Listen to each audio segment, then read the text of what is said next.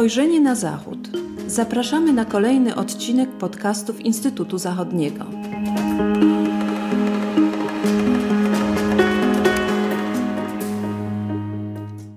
Dzień dobry, z tej strony Patrycja Teper. Witam Państwa w kolejnym odcinku podcastów Instytutu Zachodniego.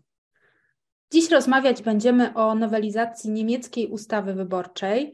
Kilka dni temu, 17 marca, odbyło się głosowanie w Bundestagu w tej sprawie.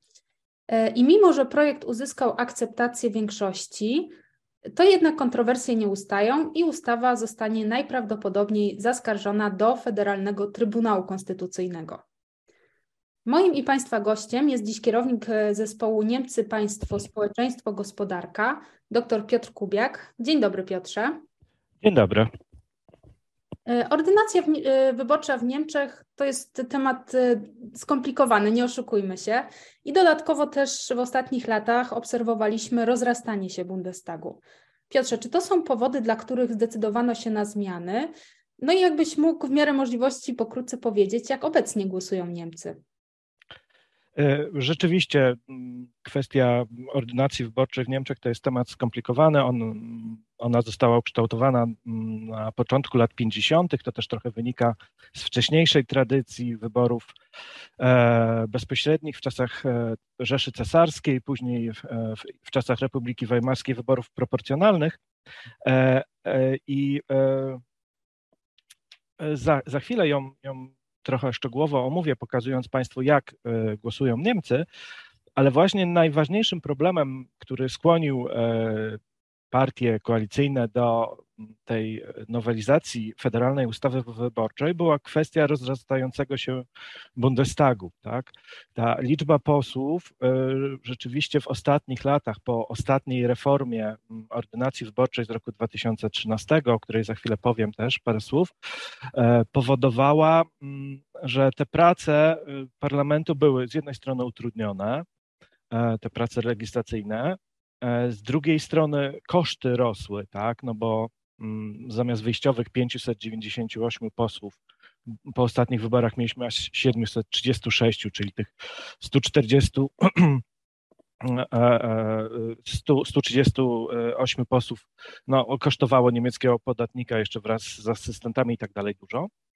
E, pojawiły się też już takie pewne problemy lokalowe, tak? No, tą, tą salę trzeba było przestawiać te miejsca, żeby, żeby wszyscy się zmieścili. E, i generalnie właśnie to był problem, tak? W debacie publicznej zwracano uwagę, że właściwie tylko chyba w Chinach e, parlament jest e, liczniejszy, a właściwie Bundestag e, dogonił, doganiał, czy też właściwie już teraz obecnie już przegonił nawet, jeśli chodzi o liczbę posłów Parlament Europejski, więc, więc to, to był rzeczywiście problem.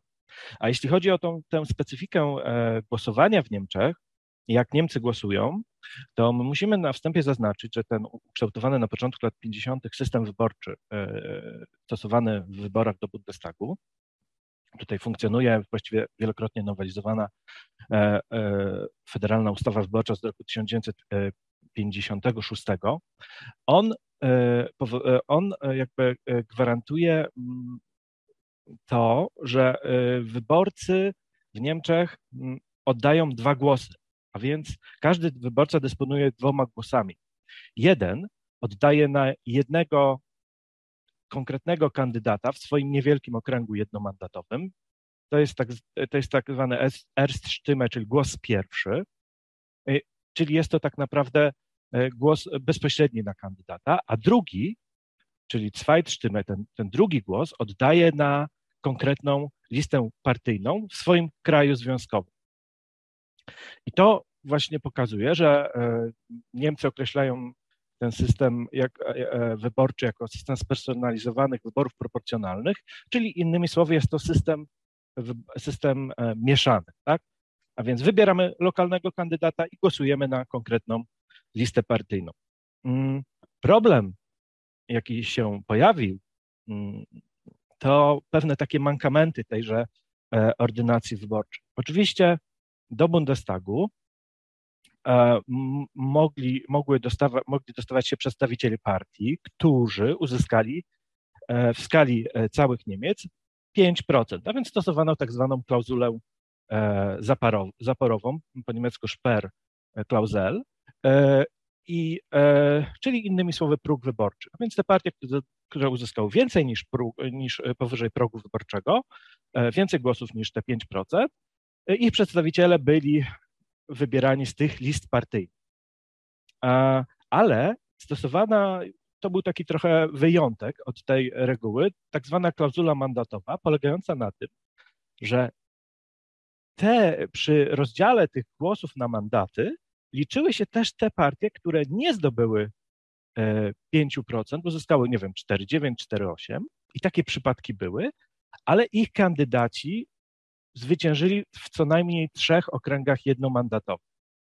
I, taki, I takim przykładem mm, była e, w przeszłości między innymi Partia e, Demokratycznego Socjalizmu, czyli PDS w roku 1994 i e, Die Linke obecnie, czyli po ostatnich wyborach w roku 2021. Ta klauzula mandatowa właśnie polegała na tym, że nie tylko ci posłowie, ci trzej posłowie, akurat w wypadku Die bo zwyciężyła w tych trzech okręgach jednomandatowych, że nie tylko ci trzej posłowie dostali się do Bundestagu, ale również ci pozostali byli proporcjonalnie do uzyskanych głosów uwzględniani. Tak? Czyli ta klauzula mandatowa była korzystna dla tych partii. I tak na przykład ta Die zamiast tylko tych trzech, pomimo zdobycia 4,9% głosów, jej frakcja obecnie liczy 39 posłów, czyli tych 36 dostali dodatkowo, no bo na mocy tej klauzuli byli tak samo rozdzielani jak te większe partie. I kluczową zasadą w tym systemie wyborczym y, dotychczas było to, że pierwszeństwo mieli przede wszystkim ci kandydaci z okręgów jednomandatowych. Ale idąc dalej, jaki był problem? Problem właśnie wynikający z tego pierwszeństwa, bo on powodował, że w przeszłości e, dochodziło do występowania tak zwanych mandatów nadwyżkowych, czyli w, w danym kraju związkowym, któremu była przeznaczona określona liczba miejsc, z tego połowa e, by, wyjściowo, oczywiście liczba miejsc, z tego połowa to, był, to, były, to były te okręgi jednomandatowe, czyli na przykład Bawaria miała 92 miejsca, 46 miejsc pochodziło z okręgów jednomandatowych, a drugie 46 wyjściowo to było przeznaczone dla tych kandydatów z list partyjnych. Ale, by, ale dochodziło do, do takiej sytuacji, że mm, niektóre partie, e, kandydaci niektórych partii zwyciężali w większej liczbie okręgów jednomandatowych, który, którzy e, e, niż przypadało tej partii na podstawie tych głosów drugich, tak, czyli głosów oddawanych na listę partyjną, co powodowało występowanie tych tak zwanych mandatów nadwyżkowych. I to powodowało, że, że ten, ten Bundestag się zaczął rozrastać, ale jeszcze nie, nie, tak, nie tak znacząco, ale łamana była zasada proporcjonalności, to znaczy korzystały te partie, których kandydat, którzy, którzy uzyskali więcej miejsc niż, niż jakby, które uzyskały, uzyskiwały te mandaty nadwyżkowe. Po prostu Bundestag jakby nie był do końca reprezentatywny, czyli nie, nie opierał się do końca na tych głosach drugich.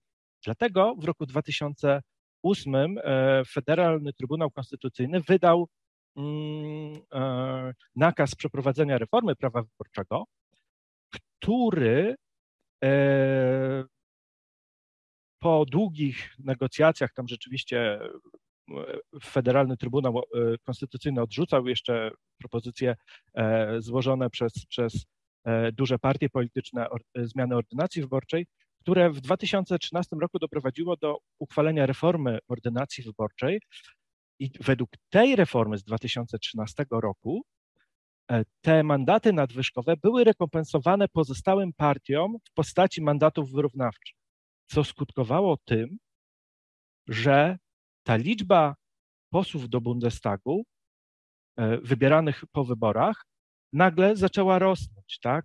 Czyli zamiast wyjściowych 598, ja powiem tylko tyle, że w roku 2017 wybrano już 709, a teraz w 2021, w obecnej 20 kadencji mamy już 736 posłów, tak, zamiast, zamiast tych 598. E, I to był właśnie największy problem. Pojawiały, zaczęły się pojawiać w debacie publicznej postulaty nawołujące do zmniejszenia liczby posłów. To był właśnie główny powód e, podjęcia tej e, reformy.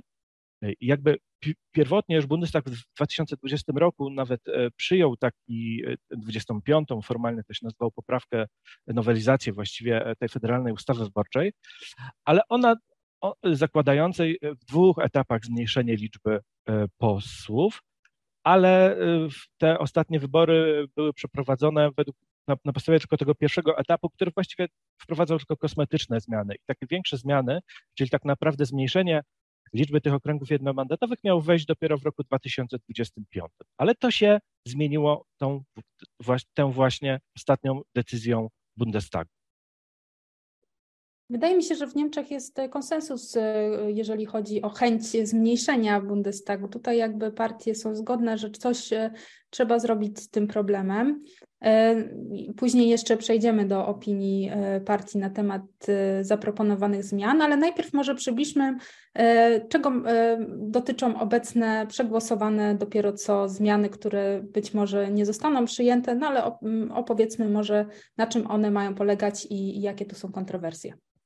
E, e, przegłosowana przez Bundestag 17 marca nowelizacja federalnej ustawy wyborczej opiera się na projekcie przedstawionym przez, e, w połowie stycznia przez partię rządzącej koalicji, czyli SPD Zieloni FDP, który zakłada mm, zmniejszenie liczby posłów do Bundestagu do 630. Tak? Ta liczba ma być stała. Pierwotny projekt zakładał nawet powrót do tych 598, ale po negocjacjach w komisji, e, w, w komisji e, spraw wewnętrznych, w komisji parlamentarnej zdecydowano się na, jednak na podniesienie nieco tej liczby, więc Bundestag miałby liczyć 630 posłów. E, za projektem dodam tylko, że głosowało 399 posłów właśnie z tych trzech frakcji. 261 z frakcji e, CDU, CSU i D-Linke oraz części AfD było przeciwko, a 23, właściwie niemal wszyscy z frakcji AfD, wstrzymało się od głosu. I to trochę już pokazuje ten rozkład sił e, politycznych, które były partie za, które przeciwko. E, przyjęty projekt nowelizacji ordynacji wyborczej, jak już wspomniałem, zakłada, że liczba posłów będzie stała. Ona będzie liczyła 630 posłów. Utrzymany zostanie ten mieszany system wyborczy, a więc ta liczba i też pierwotna wyjściowa liczba okręgów jednomandatowych, tak? Ich będzie, ma, ma pozostać 299, a liczba miejsc z list partyjnych będzie już stała, nie będzie wynosiła 290, co najmniej 299, ale będzie wynosiła e, już 331 i to będzie liczba stała. E, jakby jak wspomniałem, e, jakby ta sama procedura wyborcza jakby nie ulegnie zmianie. Ale kluczowe będą dwie kwestie. Zlikwidowane zostaną za to te e, mandaty nadwyżkowe, które były korzystne, przypomnijmy, z perspektywy tych przede wszystkim dużych partii, czy też mających silną pozycję regionalną. A co za tym idzie, również te mandaty wyrównawcze, bo one już nie będą potrzebne. Tak? A dodatkowo też zostanie zniesiona ta klauzula mandatowa, czyli korzystna dla tych partii, które na przykład zdobyły trzy, co najmniej trzy, ich kandydaci zwyciężali w co najmniej trzech okręgach jednomandatowych, a, a, ale nie zdobyły 5% poparcia. Wtedy po prostu tylko te trzy głosy, te trzy mandaty by te partie uzyskały, a tych dodatkowych e, głosów, jak w wypadku było od Ilinka ostatnio, e, by po prostu te partie nie, tym partiom by nie przyznawano, po prostu one by nie uczestniczyły w, w podziale tych e, pozostałych mandatów. Tylko, że niejako e, zniesiono przy okazji jakby pierwszeństwo tych, man, tych mandatów pochodzących z okręgów jednomandatowych, czyli tych, z tych wyborów bezpośrednich. Ale to dotyczy takich wyjątkowych sytuacji, a właściwie dotyczy tych sytuacji, kiedy występowały te mandaty nadwyżkowe. A więc przykładowo w danym kraju związkowym jakaś partia uzyskuje e, większą, jej kandydaci zwyciężają w większej liczbie okręgów jednomandatowych, niż przysługiwałoby to miejsc tej partii na podstawie głosów drugich, czyli, czyli, czyli na podstawie tych głosów, kiedy, liczy, kiedy są podawane wyniki wyborów. I wtedy, w tej sytuacji, jakby pierwszeństwo mieliby ci kandydaci tejże partii, którzy zwyciężyli, ale zwyciężyli z największą liczbą e, poparcia, tak? Uzyskali najwięcej głosów. E, a ci, którzy, którzy na przykład, nie wiem, załóżmy w Monachium, podaję przykład Bawarii, bo on jest najbardziej taki jasny, e, w Monachium powiedzmy CDU uzyskałaby 20, kandydat CDU uzyskałby 25%, a na przykład w okręgu Rosenheim uzyskałby 40%, to ten z Rosenheim miałby pierwszeństwo, a ten e, z Monachium byłby na dalszym miejscu. I po prostu jakby tych z najmniejszą liczbą zwycięzców w okręgach jednomandatowych tej danej partii, oni by nie dostawali się do Bundestagu. A więc tak naprawdę w tej sytuacji łamana byłaby ta zasada tego pierwszeństwa Mm, tych mandatów e, pochodzących z e, mandatów bezpośrednich, tak, czyli od, dla tych e, zwycięzców z okręgów jednomandatowych. To jest, to, jest, to jest właściwie jeden z fundamentów tego, tego systemu wyborczego w Niemczech i on, i on rzeczywiście stawia taki pod znakiem zapytania zasadność tej, tej, tej, tej nowelizacji, przyjętej nowelizacji, ale mówię, ona wychodzi, ona jest na tyle, na tyle jakby to powiedzieć, rewolucyjna, że ona wychodzi poza dotychczasowe ramy, niejako mm, nie, poza dotychczasowe propozycje, polegające generalnie na tym, żeby po prostu albo zmniejszyć e, liczbę okręgów e, jednomandatowych, to znaczy powiększyć je i, i zarazem zmniejszyć ich liczbę, Taki, taki, był, taki był pierwotnie projekt ten z roku 2020, czyli miało być zmniejszone, y, Bundestag miał wyjściowo liczyć 560 posłów, czyli 200, 280 okręgów jednomandatowych miało być. Ale tak naprawdę ten, ten projekt rzeczywiście wyznacza już taką stałą liczbę i e, posłów, ten, ten uchwalony 17 marca, i e, rzeczywiście wprowadza mm, jakby przede wszystkim kluczowe jest w tym wypadku to e, ten, ten element proporcjonalny, tak? czyli, czyli kluczowe są te e, głosy drugie, a więc oddawane na partie polityczne. Wydaje się, że ta przyjęta nowelizacja dotknie przede wszystkim, e, jak już wspominaliśmy, CSU i D-Linkę, no i też każdą kolejną partię, która będzie balansowała już też na granicy progu wyborczego. E, Die Linke w ogóle nie byłoby już w obecnym Bundestagu, e, jak rozumiem, gdyby ta ordynacja wyborcza weszła w życie wcześniej.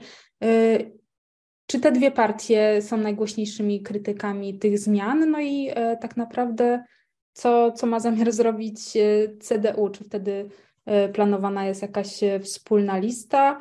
Czy póki co e, partie, którym e, najbardziej zagrażają te zmiany, po prostu będą próbowały negocjować dalej i odwoływać się do Trybunału Konstytucyjnego? E, zdecydowanie. Jeśli chodzi o partie, które najgłośniej protestowały przeciwko przyjętemu projektowi nowelizacji Federalnej Ustawy Wyborczej, to były CSU i D-Linke.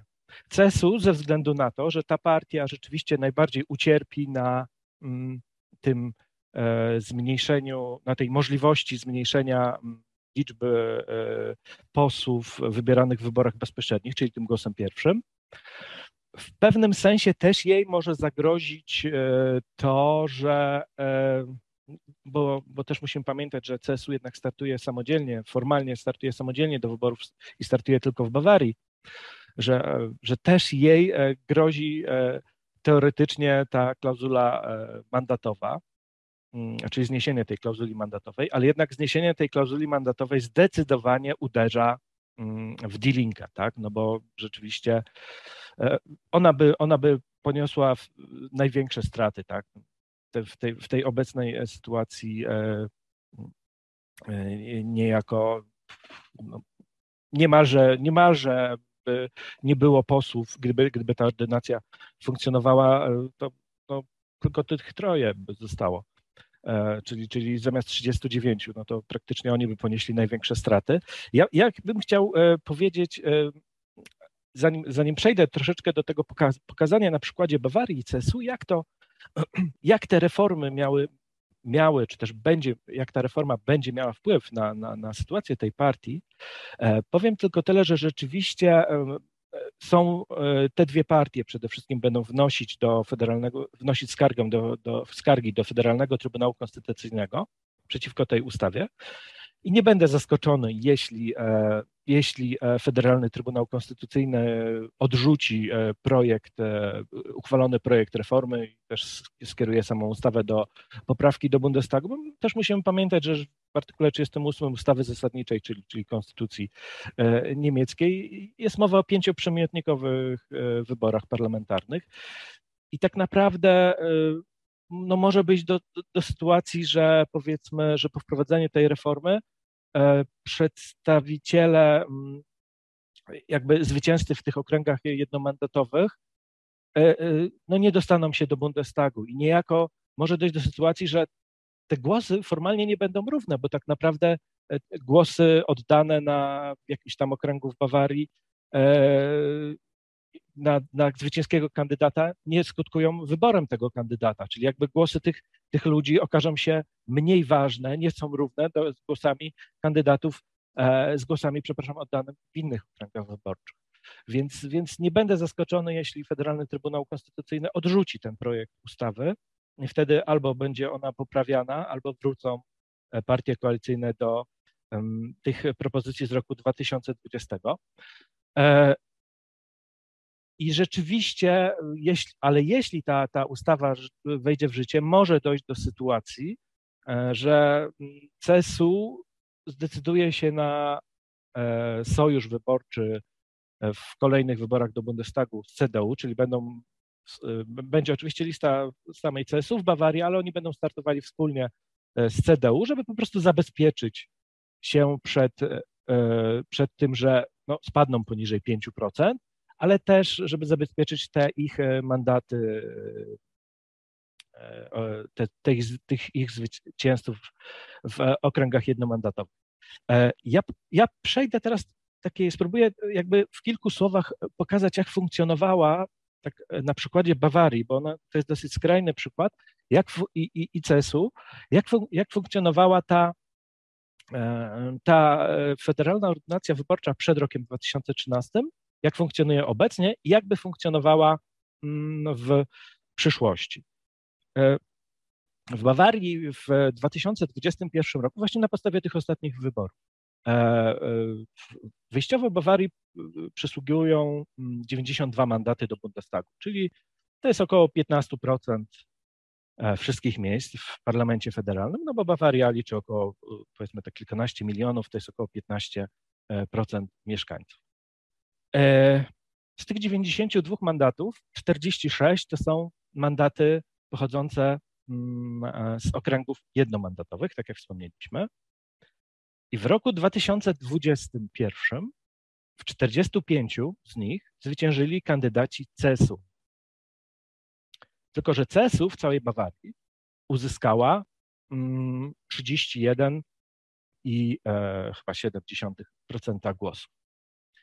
I na podstawie tego, uwzględniając też te głosy na te partie, które, które nie dostały się do Bundestagu, czyli nie przekroczyły granicy 5% progu wyborczego, e, te, że CSU powinno przysługiwać 34 mandaty. Czyli na podstawie tej obecnej ordynacji e, wyborczej, obecnie funkcjonującej. I teraz tak, według tego starego systemu czyli sprzed 2013 e, roku, CSU otrzyma, otrzymałaby 45 mandatów. Po jej kandydaci zwyciężyli we wszystkich 45 okręgach wyborczych, a pozostałym partiom, a, te, a, te, a, te, a Bawaria dostałaby dodatkowo te 11 e, głosów e, ponad te 34, ale tak naprawdę rozliczano by na podstawie tych 92, czyli te, te pozostałym partiom, oprócz tych 34, doliczano by do 92. Plus te 11, e, czyli te mandaty nadwyżkowe. Więc byłaby złamana zasada proporcjonalności, no bo ta CSU zamiast 34 z 92 zdobyłaby tak naprawdę 45 ze 103, e, czyli o, o, te, o te 11 dodatkowo. Okay. pozostałym partiom nie byłoby wyrównywane. Bundestag wobec e, do, zyskałby dodatkowo 11 głosów. W roku 2021, jak wspomniałem, czyli na podstawie obecnej ordynacji wyborczej, zasada byłaby teoretycznie taka sama, tak? czyli wyjściowo byłoby 92 mandaty, CSU zwyciężyłaby w 45 okręgach, ale przysługują jej 34, ale że pierwszeństwo mają te mandaty, czyli jest dodatkowych 11 dla CSU, ale później pozostałym partiom te nadwyżkowe mandaty miałyby zostać zrekompensowane. I generalnie ta liczba posłów i w Bawarii, i w pozostałych krajach związkowych byłaby dodawana, żeby tę nadwyżkę bawarską CSU wyrównać, co powodowało, i właśnie ta, właściwie ta CSU była problemem w tych ostatnich wyborach, że, one się tak, że ta liczba tych posłów się rozrosła. Tak?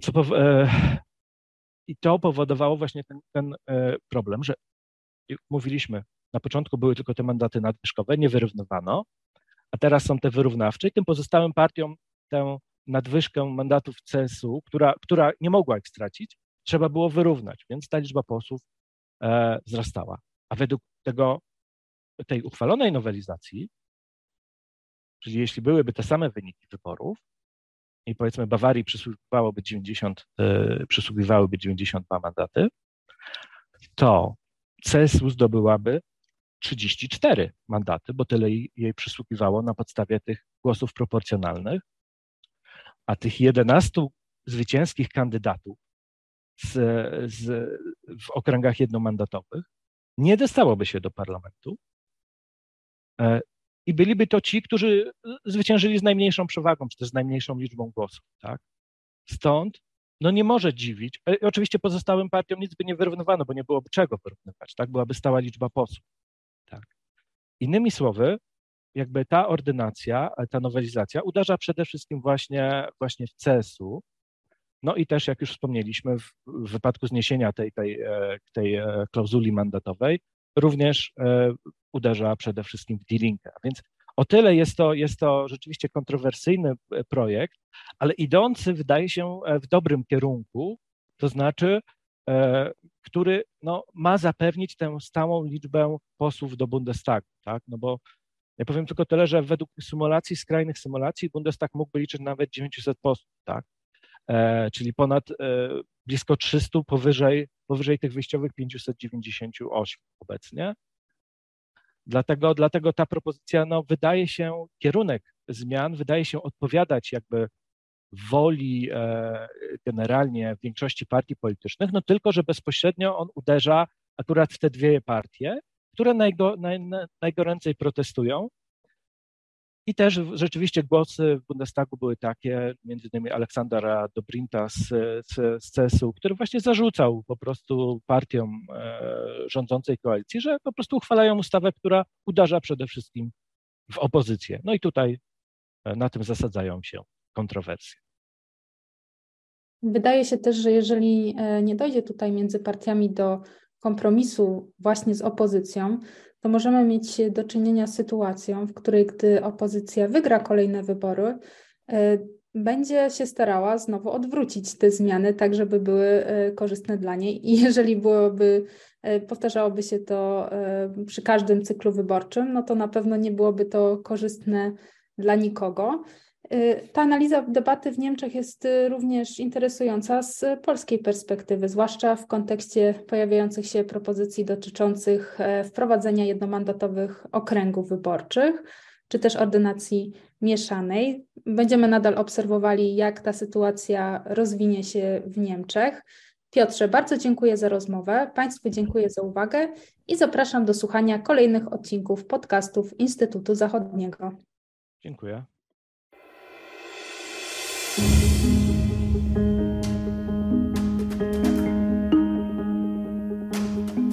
Spojrzenie na Zachód. Podcasty Instytutu Zachodniego.